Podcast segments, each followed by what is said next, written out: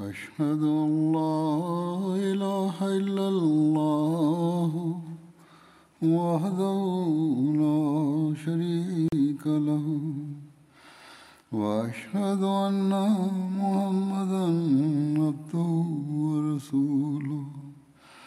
أما بعد فأعوذ بالله من الشيطان الرجيم. بسم الله الرحمن الرحيم. الحمد لله رب العالمين. الرحمن الرحيم. مالك يوم الدين. إياك نعبد وإياك نستعين. اهدنا الصراط المستقيم. صراط الذين أنعمت عليهم غير المغضوب عليهم ولا الضالين.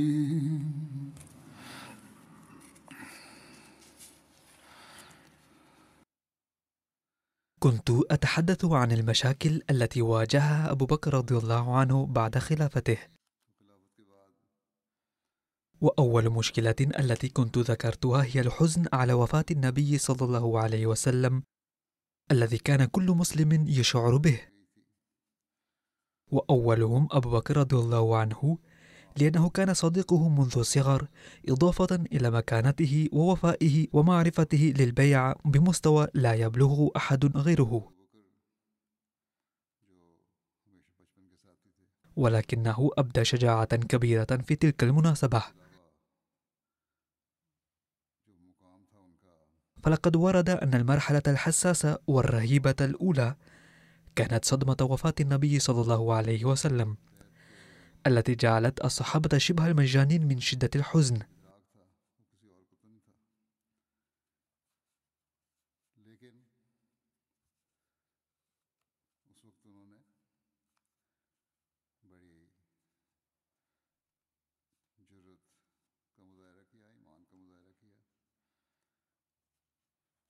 ولم يصعب عليهم التماسك بسبب هذه الصدمة المفاجئة. وما كان أحد يستطيع أن يتصور مفارقة النبي صلى الله عليه وسلم. وكانت وفاة النبي صلى الله عليه وسلم كبيرة عليهم لدرجة أن كبار الصحابة فقدوا صوابهم حزنا. وكان وقعها على شجاع مثل عمر أعظم في جنون الحب. حتى قال والسيف في يده. من قال إن محمدا صلى الله عليه وسلم مات ضربت عنقه. وهذا يدل على أن المسلمين وقعوا في حيرة شديدة. هل توفي النبي صلى الله عليه وسلم حقا أم لا؟ وأوشكوا من شدة حبهم له أن ينسوا الدرس الأول للتوحيد. ويقول لا يمكن أن يموت النبي صلى الله عليه وسلم ولم يمت.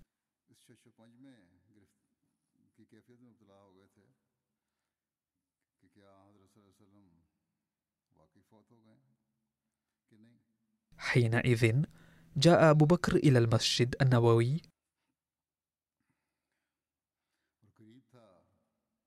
وقال مخاطبا الحضور جميعا.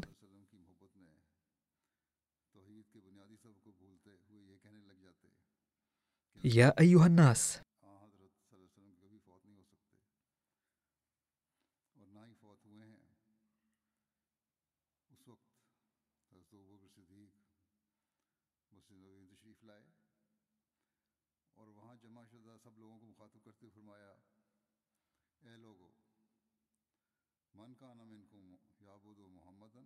من كان منكم يعبد محمدا فإن محمدا قد مات.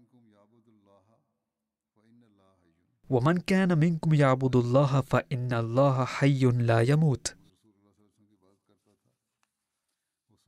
إن أبا بكر بالرغم من حبه الشديد للرسول الكريم صلى الله عليه وسلم الذي لا يضاهيه أحد علم درس التوحيد.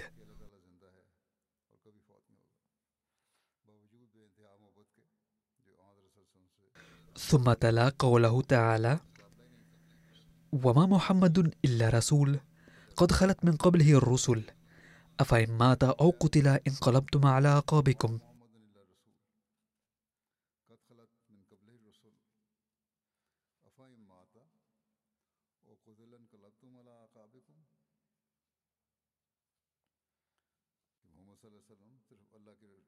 لماذا لن يموت محمد صلى الله عليه وسلم؟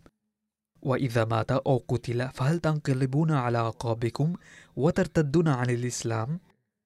هكذا جمع أبو بكر رضي الله عنه خاطر الصحابة بغاية الشجاعة والحكمة في حالة الحزن تلك. ووضع بلسما في قلوب هؤلاء العشاق المحزونين من جهة أخرى وأقام بناء التوحيد الذي كاد ينهار.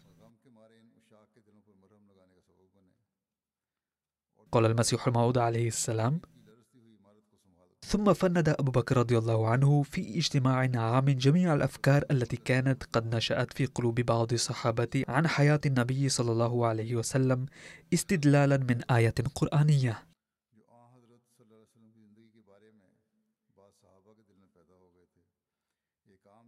كما استأصل معها فكرة حياة المسيح الموجودة في قلوب البعض نتيجة عدم التدبر الكامل في الأحاديث.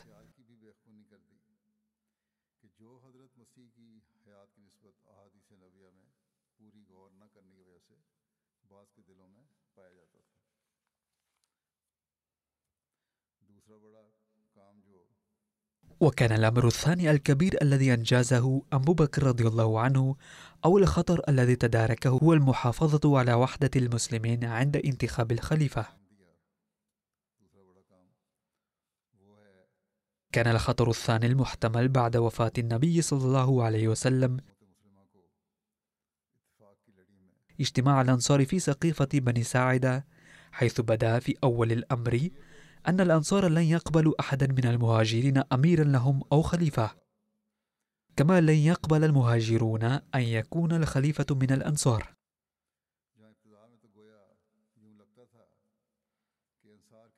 وكاد الأمر يتجاوز الاختلاف الشفهي ويصل إلى الاقتتال.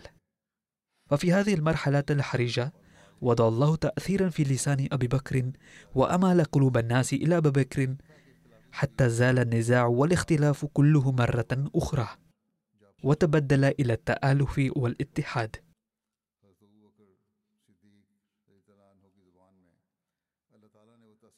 يقول سيدنا المسيح الموعود عليه السلام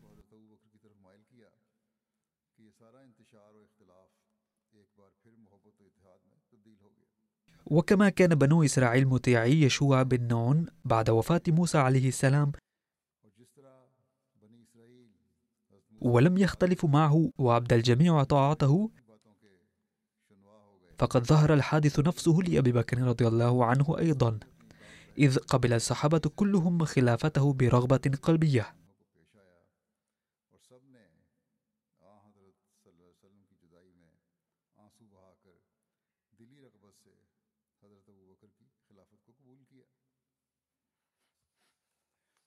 والأمر الثالث والفتنة الثالثة التي احتواؤها كان ضروريا هي إنفاذ جيش أسامة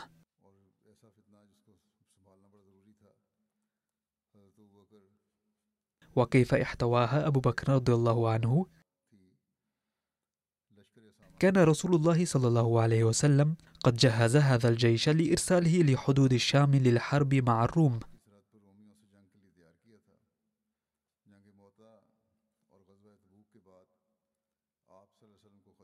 لأنه صلى الله عليه وسلم بعد معركة موتا ومعركة تبوك كان يخشى من هجوم الروم على العرب. وذلك بسبب تصاعد الخلاف بين الإسلام والمسيحية وبسبب إثارة اليهود الفتن. وكان في مؤتة قد استشهد ثلاثة أمراء من المسلمين زيد وجعفر وعبد الله بن رواحة. ومؤتة مدينة في أرض خصبة شرق الأردن.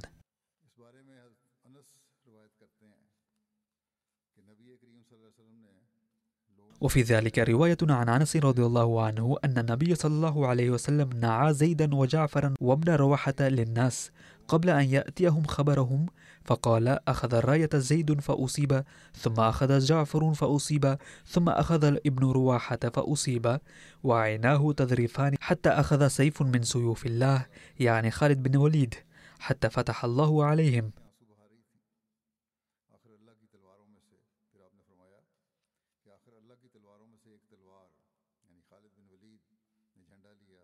بعد هذا غادر إلى تبوك مع رفاقه المسلمين. لكن العدو لم يجرؤ على الخروج إلى الميدان لمحاربة المسلمين. واختفوا في المناطق الداخلية للشام للحفاظ من هجوم المسلمين. ونتيجة لهذه الغزوات أصبحت نوايا الرومان تجاه المسلمين خطيرة للغاية وبدأوا يستعدون للتقدم على الحدود العربية. ولهذا أمر النبي صلى الله عليه وسلم أسامة بالخروج إلى الشام على سبيل الاحتياط.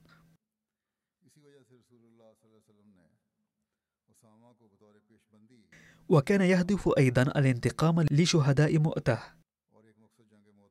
كان تجهيز أسامة يوم السبت قبل موت النبي صلى الله عليه وسلم بيومين. وكان ابتداء ذلك قبل مرض النبي صلى الله عليه وسلم فندب الناس لغزو الروم في آخر سفر. ودعا أسامة فقال سر إلى موضع مقتل أبيك فأعطيهم الخيل. فقد وليتك هذا الجيش. وفي رواية قال أوطي بلقاء ودارم بالخيل. والبلقاء منطقة في سوريا بين دمشق ووادي القرى. ودارم موضع في فلسطين قرب غزة في الطريق إلى مصر.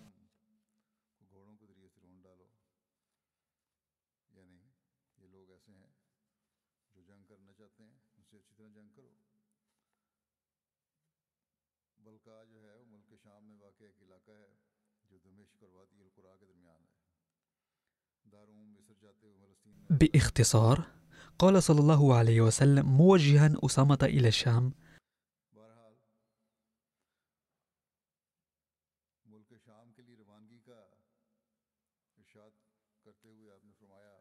فأغر صباحا على أهل أبنى وأبنى موضع في سوريا نحو بلقاء. وأسرع السير تسبق الأخبار.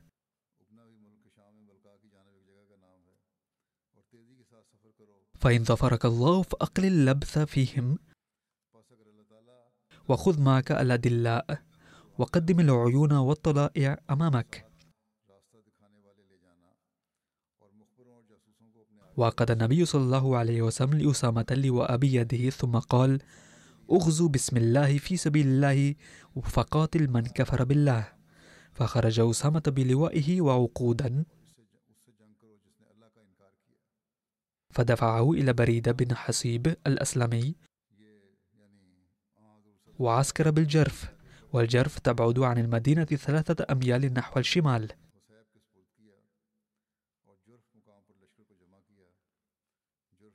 فلم يبق أحد من وجوه المهاجرين الأولين والأنصار إلا انتدب في تلك الغزوة وفيهم أبو بكر الصديق وعمر بن الخطاب وأبو, وأبو عبيدة بن الجراح وسعد بن أبي وقاص وسعيد بن زيد وقتادة بن نعمان وسلمة بن أسلم بن حريش. فتكلم قوم وقالوا يستعمل هذا الغلام على المهاجرين الأولين. فغضب رسول الله صلى الله عليه وسلم غضبا شديدا. فخرج وقد عصب على رأسه عصابة وعليه قطيفة فصعد المنبر فحمد الله وأثنى عليه ثم قال أما بعد أيها الناس. فما مقالة بلغتني عن بعضكم في تأمير أسامة؟ ولئن طعنتم في إمارة أسامة لقد طعنتم في إمارة أباه من قبله.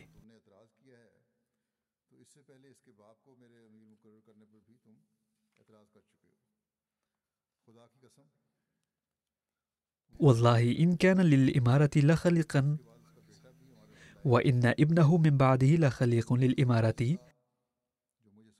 وإن كان لمن أحب الناس إلي وإنهما لمخيلان لكل خير. واستوصوا به خيرا فإنه من خياركم. وذلك يوم السبت لعشر الخلون من ربيع الأول. قبل وفاته بيومين فقط. وجاء المسلمون الذين يخرجون مع أسامة يودعون رسول الله صلى الله عليه وسلم.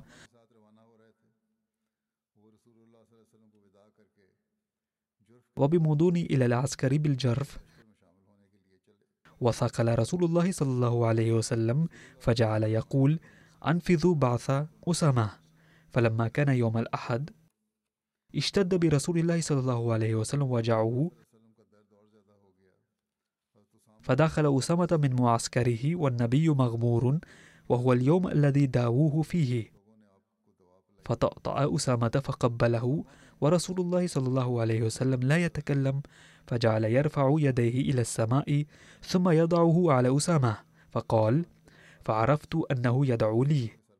ورجع أسامة إلى معسكره ثم دخل يوم الاثنين وأصبح رسول الله صلى الله عليه وسلم مفيقا صلوات الله عليه وبركاته. فقال له أغدو على بركة الله.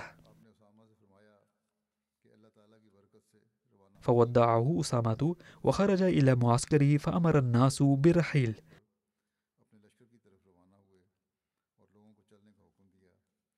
فبين هو يريد ركوب إذا رسول أمه أم أيمن قد جاءه يقول إن رسول الله يموت.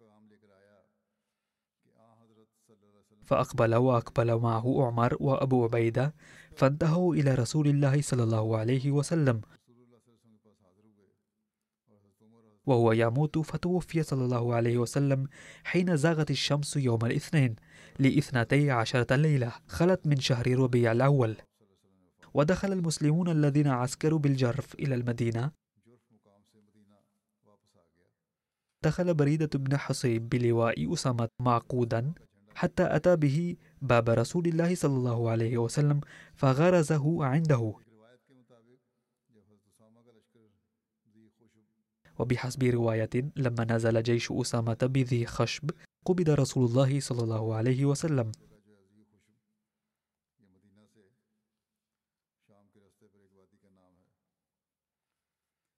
فلما بويع لأبي بكر أمر بريدة بن حسيب باللواء إلى بيت أسامة ليمضي لوجهه فمضى به بريدة إلى معسكرهم الأول.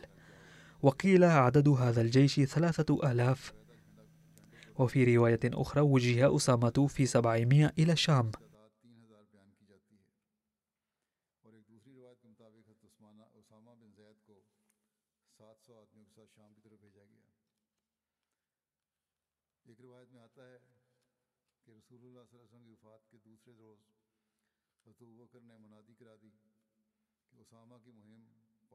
وفي رواية نادى منادي أبي بكر رضي الله عنه من بعد الغد من وفاة رسول الله صلى الله عليه وسلم ليتم بعث أسامة.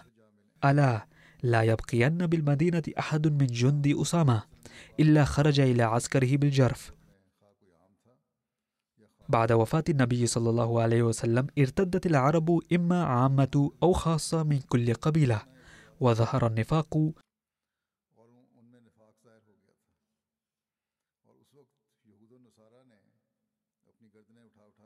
وشرأبت اليهودية والنصرانية وبقي المسلمون كالغنم في الليلة المطيرة لفقد نبيهم وقلتهم وكثرة عدوهم.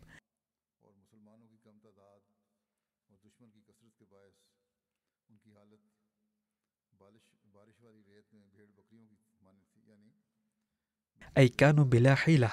فقال الناس لأبي بكر رضي الله عنه إن هؤلاء يعنون جيش أسامة جند المسلمين.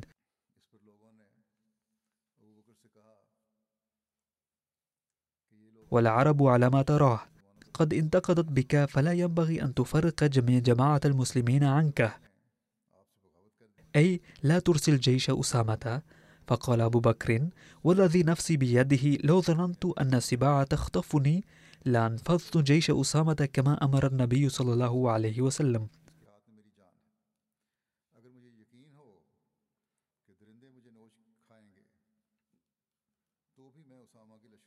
وفي رواية أخرى قال حضرة أبو بكر رضي الله عنه والله الذي لا إله إلا هو. لو أن الكلاب جرت بأرجل أمهات المؤمنين لأجهزن جيش أسامة ولن أحل أقدة عقدها رسول الله صلى الله عليه وسلم. قال المصلح الموعود رضي الله عنه عندما توفي رسول الله صلى الله عليه وسلم ارتد العرب وقلك الشجعان مثل عمر وعلي رضي الله عنهما أيضا نظرا إلى هذه الفتنة. كان النبي صلى الله عليه وسلم قد عد جيشا قبيل وفاته لغزو الروم وأمر عليه أسامة رضي الله عنه. ولكنه صلى الله عليه وسلم توفي قبل رحيل الجيش. وعندما ارتد العرب بعد وفاته صلى الله عليه وسلم فكر الصحابة أنه إذا أرسل جيش أسامة إلى بلاد نائية في هذه الحالة من التمرد لن يبقى في المدينة إلا العجائز والأطفال والنساء. ولن تكون هناك أسباب كافية لحماية المدينة. فاتفقوا على أن يذهب وفد من كبار الصحابة إلى أبي بكر رضي الله عنه ويلتمس منه ألا يرسل الجيش إلى أن يخمد التمرد. فذهب إليه عمر والصحابة الكبار الآخرون وقدموا هذا الطلب.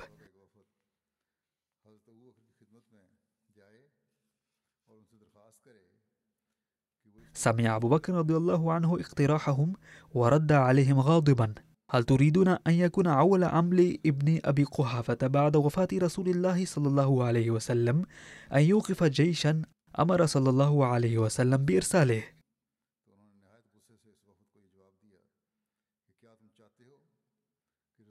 ثم قال والله إذا اقتحم جيش العدو المدينة ونهشت الكلاب جثث المسلمين والمسلمات فلن أوقف جيشا أمر رسول الله صلى الله عليه وسلم بإرساله. لقد نشأت هذه الشجاعة والبسالة في أبي بكر رضي الله عنه لأن الله تعالى يقول محمد رسول الله والذين معه أشداء على الكفار. فكما أن السلك العادي عندما يتصل بالكهرباء تتولد فيه قوة عظيمة كذلك صار أتباع النبي صلى الله عليه وسلم مصداق أشداء على الكفار نتيجة علاقتهم به صلى الله عليه وسلم. يقول سيدنا المسيح الموعود عليه السلام في كتابه سر الخلافة عن إرسال جيش أسامة. قال ابن الأثير في تاريخه لما توفي رسول الله صلى الله عليه وسلم ووصل خبره إلى مكة. وعامله عليها عطاب بن أسيد استخفى عطاب وارتجت مكة وكاد أهلها يرتدون.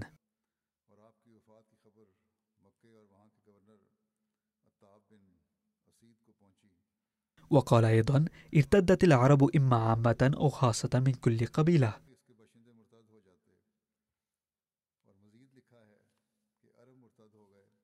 وشرأبت اليهود والنصرانية وبقي المسلمون كالغنم في الليلة الممطرة لفقد نبيهم وقلتهم وكثرة عدوهم.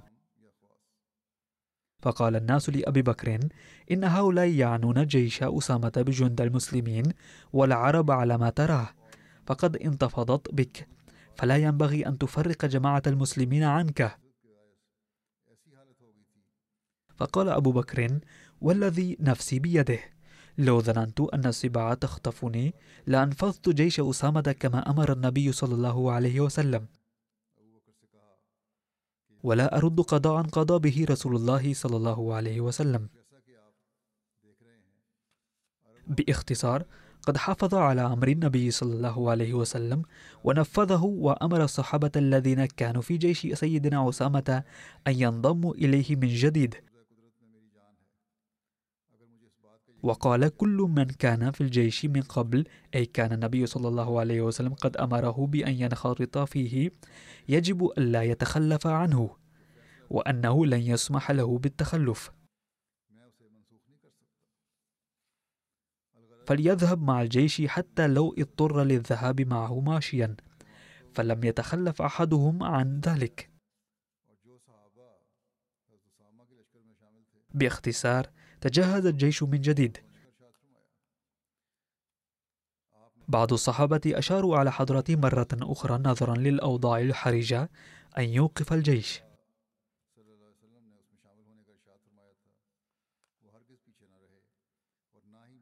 وفي رواية أن سيدنا أسامة أرسل عمر بن الخطاب إلى أبي بكر ليلتمس منه إلغاء إرسال الجيش وقال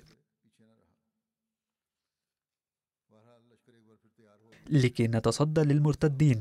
فلا آمن على خليفة رسول الله صلى الله عليه وسلم وحرم رسول الله والمسلمين أن يتخطفهم المشركون.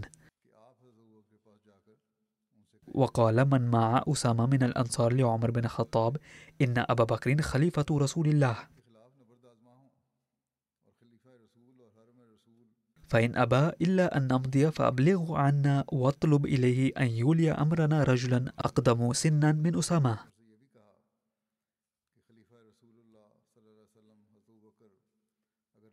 فخرج عمر بأمر أسامة إلى أبي بكر فأخبره بما قال أسامة فقال لو خطفتني الكلاب والذئاب لانفضته كما أمر به رسول الله صلى الله عليه وسلم.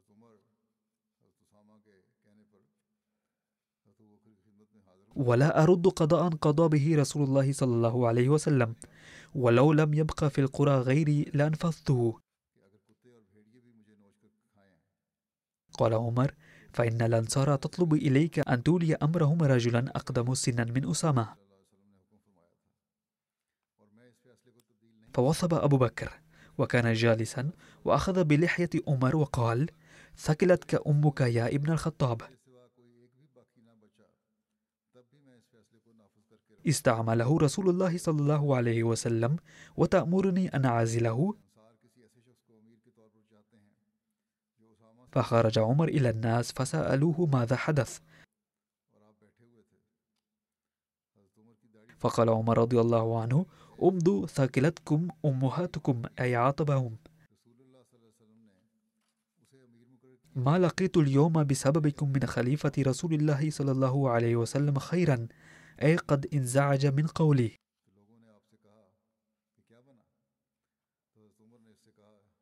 حين اجتمع جيش أسامة بأمر أبي بكر رضي الله عنه في موضع الجرف ذهب أبو بكر رضي الله عنه نفسه إليه واستعرض الجيش ونظمه. وكان مشهد خروج الجيش أيضا عجيبا جدا. كان أسامة راكبا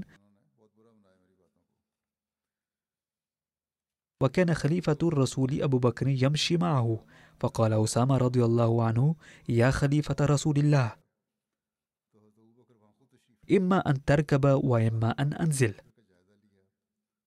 فقال أبو بكر رضي الله عنه والله لا تنزل ولا أركب.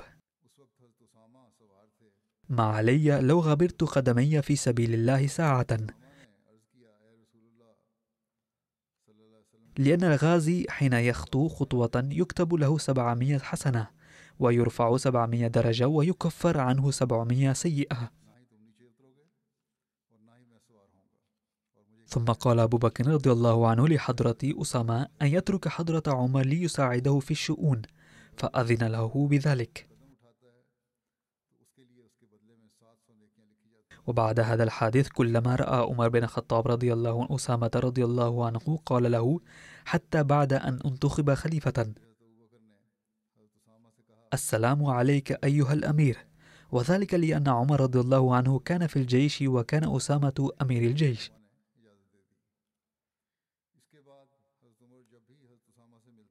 لذا كان عند مقابلته يقول له السلام عليك أيها الأمير. فيقول أسامة غفر الله لك يا أمير المؤمنين.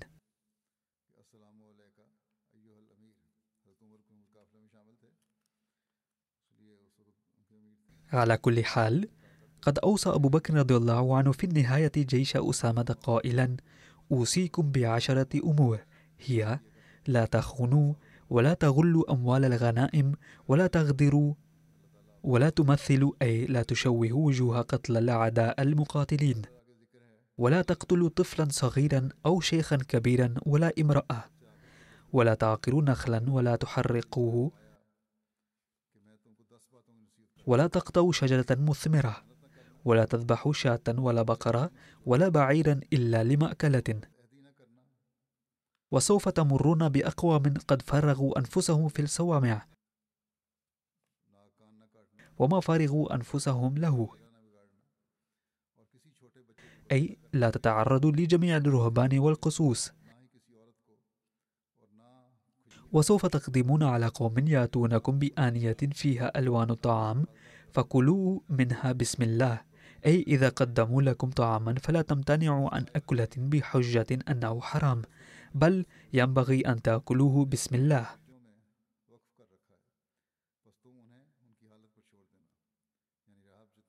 وتلقون أقواما قد فحصوا عن أوساط رؤوسهم وتركوا حولهم مثل العصائب فأخفقوهم بالسيف خفقا.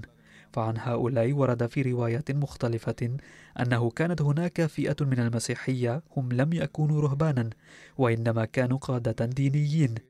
وكانوا يثيرون الناس ضد المسلمين ويشاركون في الحرب أيضا. لذا قد قال حضرته لجيش أسامة ألا يتعرضوا للرهبان الذين يقيمون في الكنائس ولا يقاتلوهم. أما الفئة الأخرى فلا بد من قتالهم وأتباعهم لأنهم يحرضون على القتال ويشاركون فيه أيضا.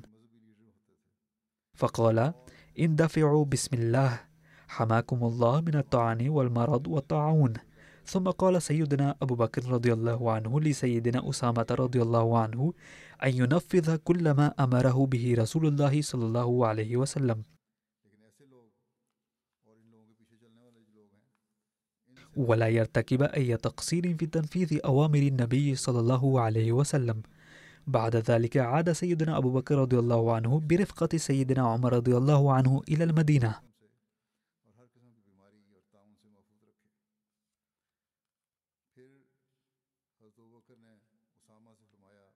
لقد أرسل سيدنا أبو بكر جيش أسامة في أواخر ربيع الأول من العام الحادي عشر الهجري. وفي رواية أخرى أرسله في ربيع الثاني من العام الحادي عشر الهجري.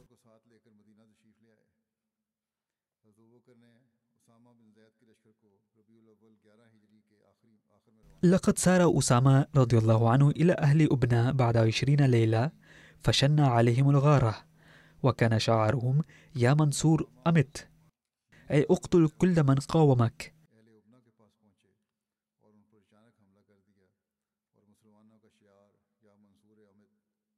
فقتل من أشرف له وسبى من قدر عليه وأجال الخيل في عرصاتهم وأقاموا يومهم ذلك في تعبية ما أصابوا من الغنائم.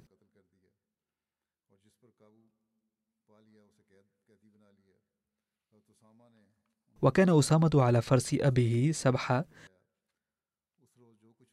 وقتل قاتل أبيه في الغارة فلما أمسى أمر الناس بالرحيل ثم أخذ السير فوردوا وادي القرى في تسع ليال ثم بعث بشيرا إلى المدينة بيخبر بسلامتهم. ثم قصد بعد في السير فسار إلى المدينة ستا وما أصيب من المسلمين أحد. فلما وصل هذا الجيش الفاتح المنتصر إلى المدينة خرج أبو بكر في المهاجرين وأهل المدينة يتلقونه سرورا بسلامتهم ودخل أسامة على فرس أبيه سبحة واللواء أمامه يحمله سيدنا بريدة بن حسيب حتى انتهى إلى المسجد فدخل فصلى ركعتين ثم انصرف إلى بيته.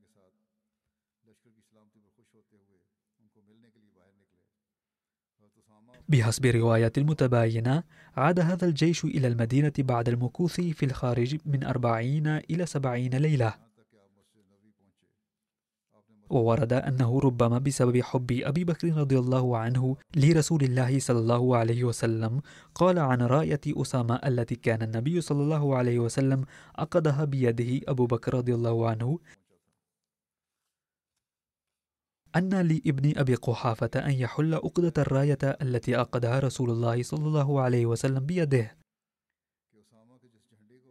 ثم لم تعقد عقدة الراية بعد عودة جيش أسامة. وبقيت تلك الراية في بيت سيدنا أسامة حتى توفي.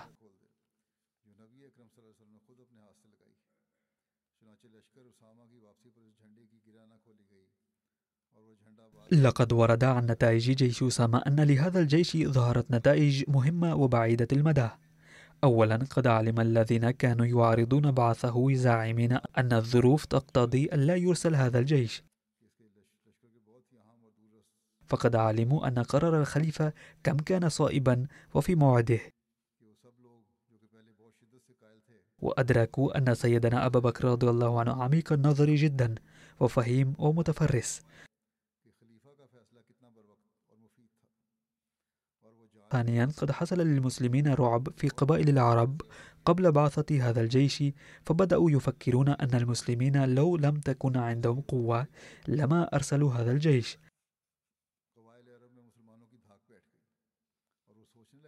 وهذا الأمر قد فرض عليهم الهيبة وبدأ الروم يقولون من أي نوع هؤلاء الناس فقد توفي نبيهم ومع ذلك يهاجمون بلادنا.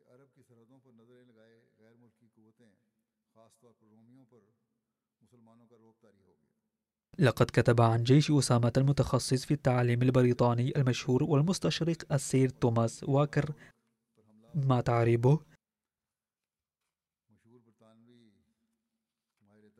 لقد أرسل أبو بكر جيش أسامة بعد وفاة محمد صلى الله عليه وسلم الذي كان النبي الكريم صلى الله عليه وسلم قد عزم على إرساله إلى الشام.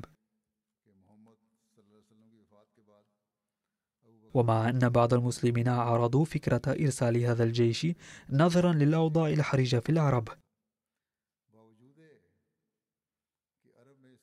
لكن أبا بكر أسكت ترددهم بقوله لن ألغي أي أمر أصدره النبي صلى الله عليه وسلم حتى لو صارت المدينة فريسة لوحوش الغابة.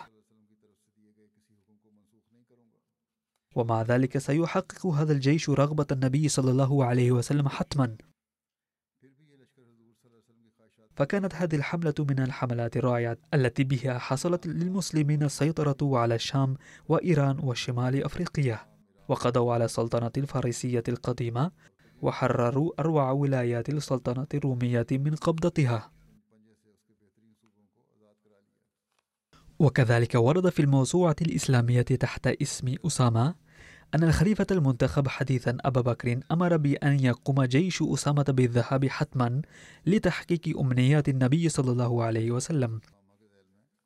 ومع أن القبائل كانت تتمرد سلفا وصل أسامة إلى البلقاء في بلاد الشام.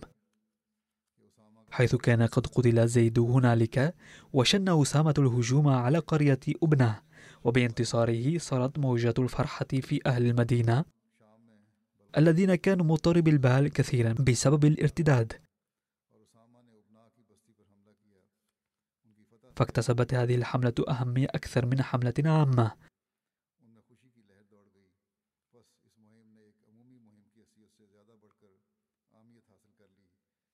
وبذلك عدت هذه المهمة ممهدة الطريق لفتوحات الشام.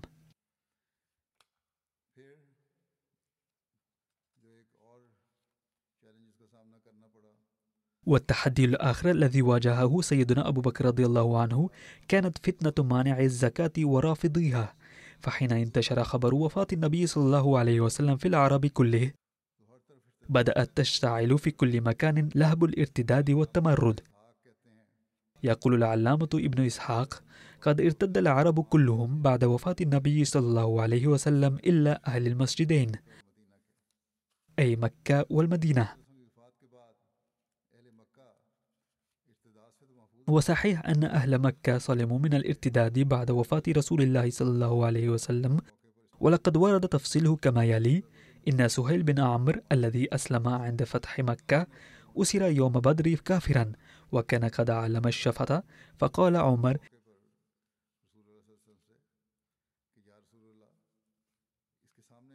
يا رسول الله انزع ثنيتيه ينزع سنيه من حيث وضع علامة على شفته. فلا يقوم عليك خطيبا أبدا. فقال دعه يا عمر. فعسى أن يقوم مقاما تحمده عليه.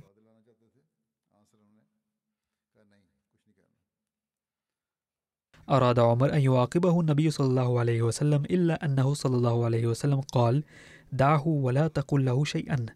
فعسى أن يقوم مقاما ويقول كلاما يوما تحمده عليه. فكان ذلك المقام أن رسول الله صلى الله عليه وسلم لما توفي ارتجت مكة. ولما رأت قريش من ارتداد العرب واختفى عتاب بن أسيد الأموي أمير مكة. فقام سهيل بن عمرو خطيبا فقال يا معشر قريش لا تكونوا آخر من أسلم وأول من ارتد والله إن هذا الدين لا يمتد امتداد الشمس والقمر. من طلوعهما إلى غروبهما. في كلام طويل ولقد أثر هذا الكلام في قلوب أهل مكة فتماسكوا. وأحضر أوطى بن أسيد الذي كان قد اختفى وثبتت قريش على الإسلام. أما الذين ارتدوا فكانوا أصنافا عدة فقد ذكرها أحد كتاب سيرة أبي بكر فقال فمنهم من ترك الإسلام جملة وتفصيلا وعاد إلى الوثنية وعبادة الأصنام ومنهم من ادعى النبوة. ومنهم من بقي يعترف بالإسلام ويقيم الصلاة ولكنه امتنع عن أداء زكاته. ومنهم من شمت بموت رسول الله صلى الله عليه وسلم وعاد أدراجه يمارس عاداته الجاهلية. ومنهم من تحير وتردد وانتظر على من تكون الدبرة.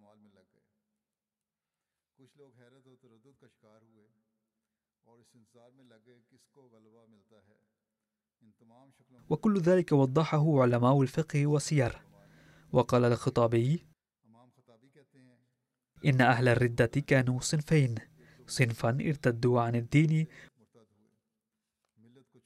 ونبذوا الملة وعادوا إلى الكفر وهذه الفرقة طائفتان. إحداهما أصحاب مسيلمة والأسود العنسي الذين صدقوهما على دعواهما وأنكروا نبوة النبي صلى الله عليه وسلم.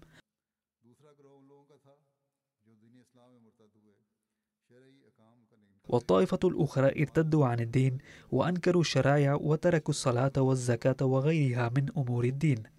وعادوا إلى ما كانوا عليه في الجاهلية.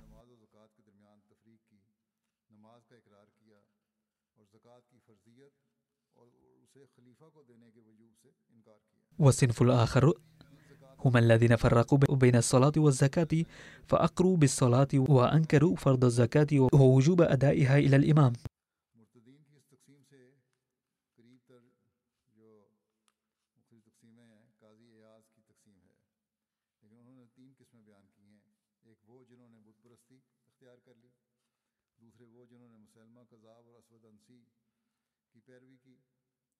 وقد كان من ضمن هؤلاء المانعين للزكاة من كان يسمح بها ولا يمنعها إلا أن رؤساءهم صدوهم عن ذلك وقريب من هذا التقسيم لأصناف المرتدين تقسيم القاضي عياده غير أنهما عندهم ثلاثة صنف عادوا إلى عبادة الأصنام. وصنف تبعوا مسيلمة والأسود العنسي. وكل منهما ادعى النبوة وصنف ثالث استمروا على الإسلام ولكنهم جحدوا الزكاة وتأولوا بأنها خاصة بزمن النبي صلى الله عليه وسلم.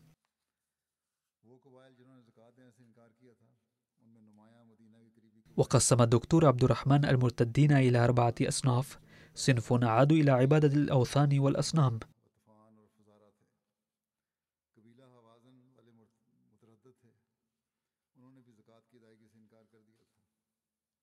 وصنف اتبعوا المتنبئين بالكذبة الأسود العنسي ومسلمة وسجاح. وصنف أنكروا وجوب الزكاة وجحدوها وصنف لم ينكروا وجوبها ولكنهم أبوا أن يدفعوها إلى أبي بكر. أما القبائل التي أبت أن تدفع الزكاة فمن أبرزها قبيلة عبس وذبيان من أقرب المدينة ومن فروع القبائل بنو كنانة غطفان وفرارة.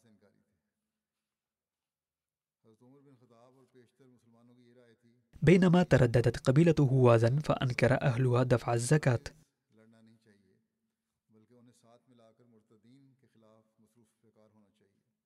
ولقد ورد أيضا أن أبا بكر استشار مع الصحابة بخصوص مانع الزكاة. فقد جمع كبار الصحابة يستشيرهم في قتال الذين منعوا الزكاة. وكان رأي عمر بن الخطاب وطائفة من المسلمين معه ألا يقاتل قوما يؤمنون بالله ورسوله. وأن يستعينوا بهم على المرتدين. وكان البعض يخالفون هذا الرأي إلا أنهم كانوا قلة.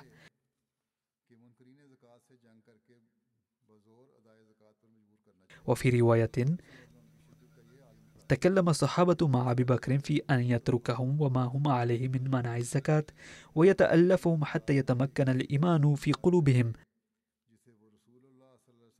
ثم هم بعد ذلك يزكون. فامتنع الصديق من ذلك وأباه. كان أبو بكر يميل إلى القتال مع مانع الزكاة وإجبارهم على أداء الزكاة قصرا. ولقد اشتد في تأييد رأيه لدرجة قال بكل شدة والله لو منعوني عقالا كانوا يؤدونه إلى رسول الله صلى الله عليه وسلم لقاتلتهم على منعه. وهناك رواية في البخاري عن أبي هريرة أن عمر رضي الله عنه قال كيف تقاتل الناس وقد قال رسول الله صلى الله عليه وسلم أمرت أن أقاتل الناس حتى يقولوا لا إله إلا الله فمن قالها فقد عصم مني ماله ونفسه إلا بحقه وحسابه على الله. فقال والله لو قاتلن من فرق بين الصلاة والزكاة فإن الزكاة حق المال والله لو منعوني أعناقا كانوا يؤدونها إلى رسول الله صلى الله عليه وسلم لقاتلتهم على منعها. قال عمر رضي الله عنه فوالله ما هو إلا أن قد شرح الله صدر أبي بكر رضي الله عنه فعرفت أنه الحق. أي أن عمر اضطر للتسليم أخيرا بأن ما يقوله أبو بكر هو صحيح. ولقد شرح السيد زين العابدين ولي الله شاه كلمات الحديث. أعصم مني ماله ونفسه إلا بحقه. فقال كلمات إلا بحق الإسلام تلقي ضوءا كافيا على فحوى الجملة. فإذا كان المسلم لا يحافظ على الحقوق الإسلامية بعد إقراره بلا إله إلا الله فإنه مؤاخذ أيضا لأنه لا يمكن أن ينجو من العقاب لمجرد إيمانه. وكلمات بحق الإسلام لها معنيان. أحدهما أنها تنطبق حيثما يتعلق الأمر بالحقوق الإسلامية. الحق مصدر ويتضمن معنى الجمع وثانيهما تنطبق حيثما جعل الإسلام أخذ الأموال والأنفس ضروريا. إن فعل حق الأمر معناه أثبته وأوجبه ويستخدم متعدي أيضا. إن سلامة أفراد الأمة تعتمد على أداء الحقوق فكما أن عدم أداء الضريبة يعد تمردا ويوجب العقاب كذلك عدم أداء الزكاة يوجب العقوبة. لم يوافق عمر أبا بكر سابقا ولكنه لما أضاف كلمات إلا بحقه قبل رأيه. يتضح من هذه الواقعة أنه لا حقيقة للإقرار ب لا إله إلا الله باللسان إن لم يرافقه العمل الصالح. إن عنوان هذا الباب هو الآية التالية.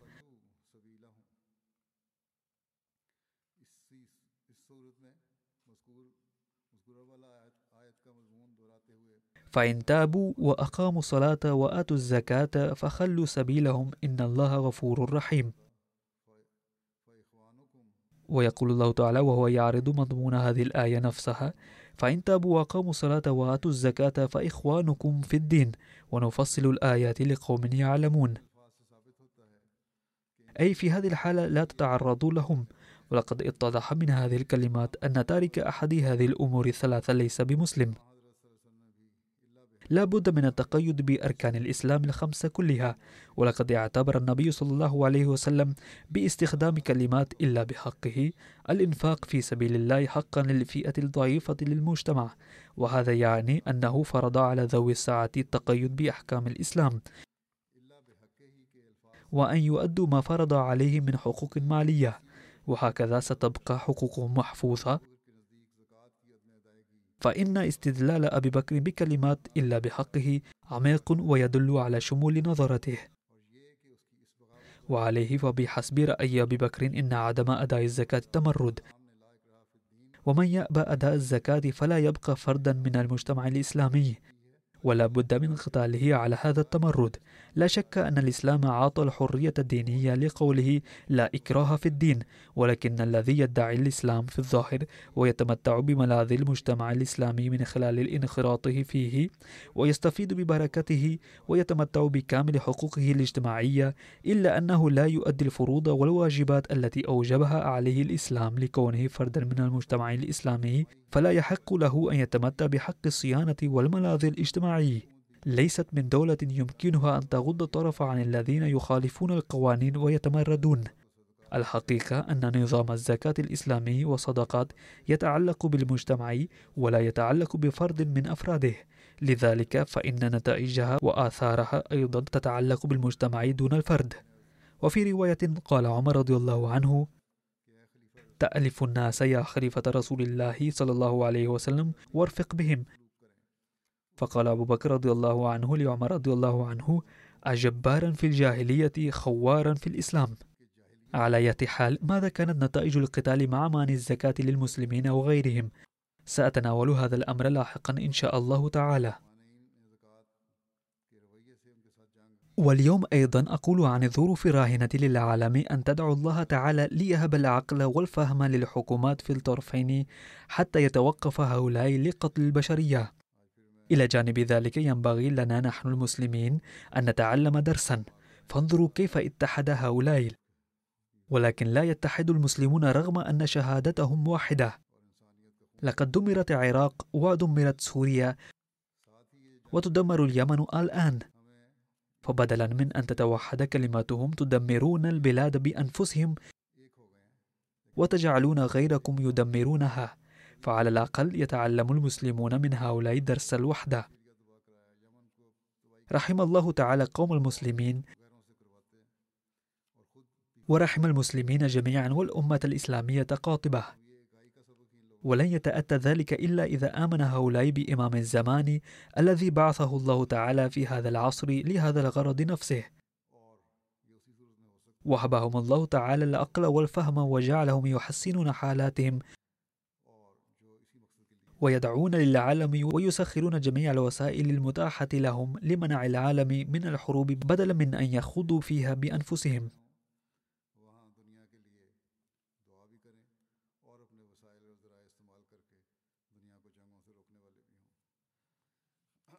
بعد الصلاة سأصلي صلاة الغيب على السيدة قيصر ظفر هاشمي زوجة ظفر إقبال هاشم من لاهور التي وافته المنية في الأيام الماضية.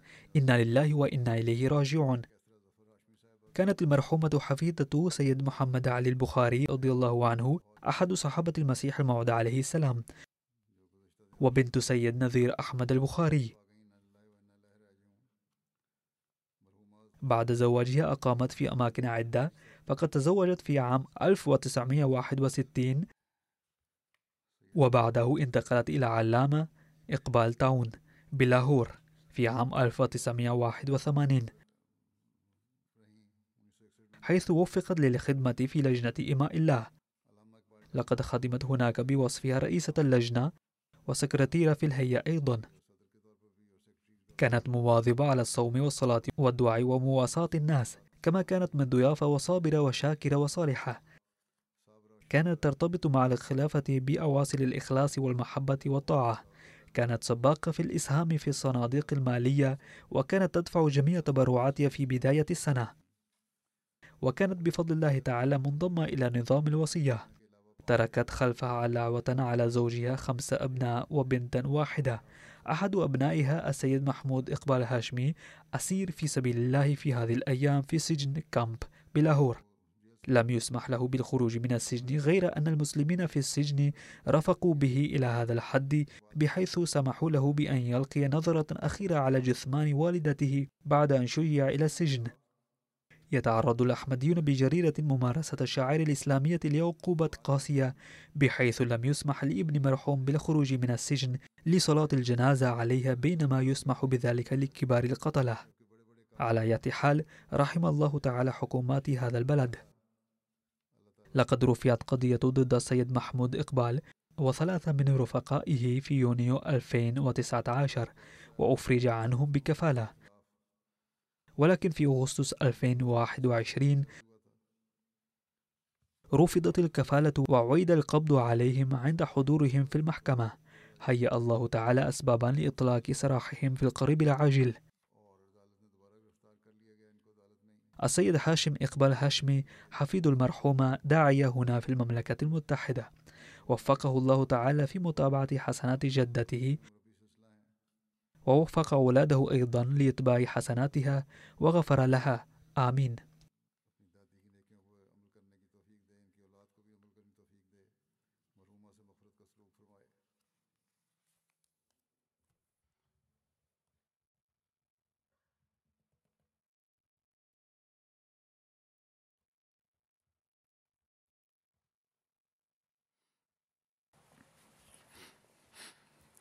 الحمد لله الحمد لله نحمده ونستعينه ونستغفره ونؤمن به ونتوكل عليه.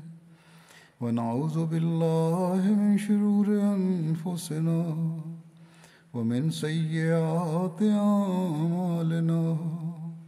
من يهده الله فلا مضل له ومن يضلل فلا هادي له.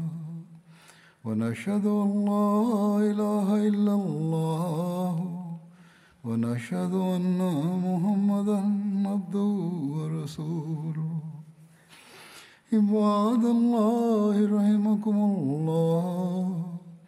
إن الله يأمر بالعدل واللسان وإيتاء ذي القربى. وينهى عن الفحشاء والمنكر والبغي يعظكم لعلكم تذكرون. اذكروا الله يذكركم ودوه يستجب لكم ولذكر الله أكبر.